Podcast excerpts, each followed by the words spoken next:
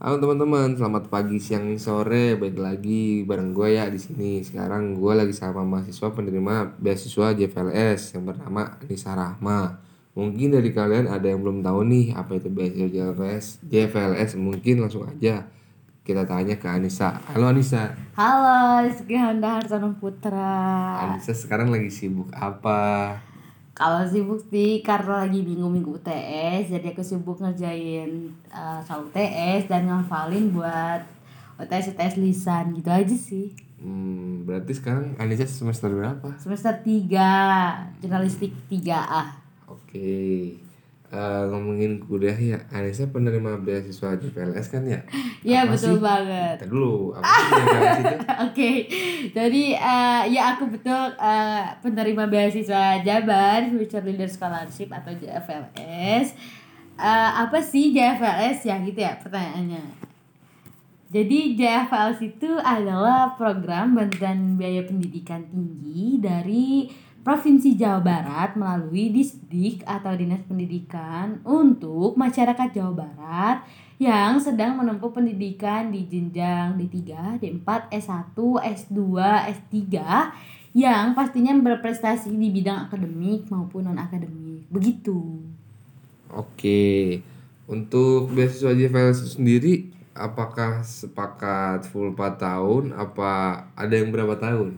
Oke, kalau untuk bantuannya ya itu Mhm. eh, tergantung sih ya, Oton. Ada yang S1 penuh, maksudnya 4 tahun gitu.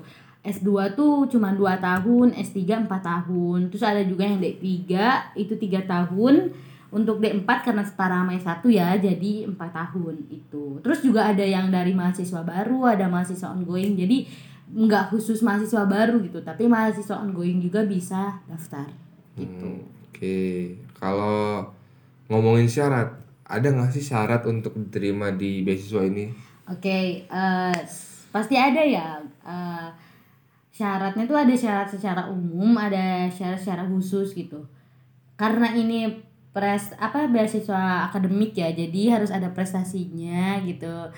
Em, untuk syarat umum sendiri tuh ya kayak masyarakatnya harus Jawa Barat, terus eh, minimal pendidikannya tuh eh maksimal eh, kelulusannya tuh tiga tahun terakhir gitu SMA gitu kalau mahasiswa baru gitu.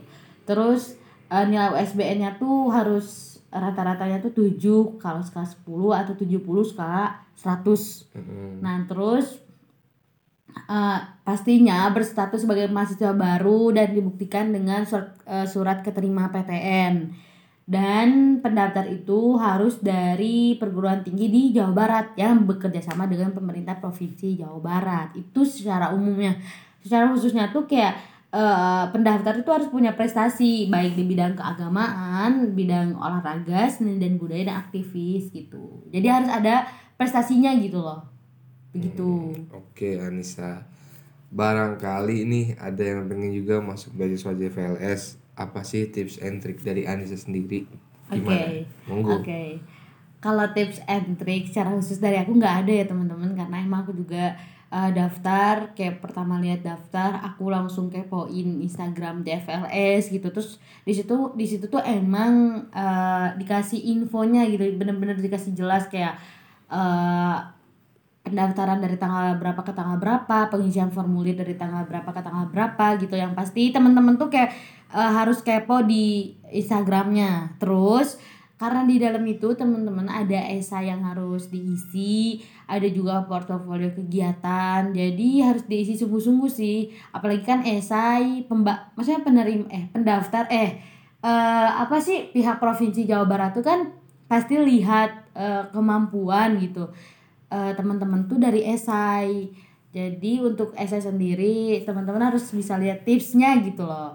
Eh, jangan sekedar cuman cerita nyeritain cita-cita apa gitu karena emang ada eh, strukturnya gitu. Terus eh, selain esai ntar juga ada portofolio kegiatan gimana eh, mereka juga melihat dari situ sejauh mana teman-teman uh, turun lapangan kayak punya kegiatan apa aja nggak cuman diem diem di kamar gitu ya mager gitu terus uh, juga uh, yang pasti adalah prestasi yang dibuktikan dengan sertifikat-sertifikat itu benar-benar menunjang teman-teman uh, semakin banyak semakin insya Allah tercapai itu aja.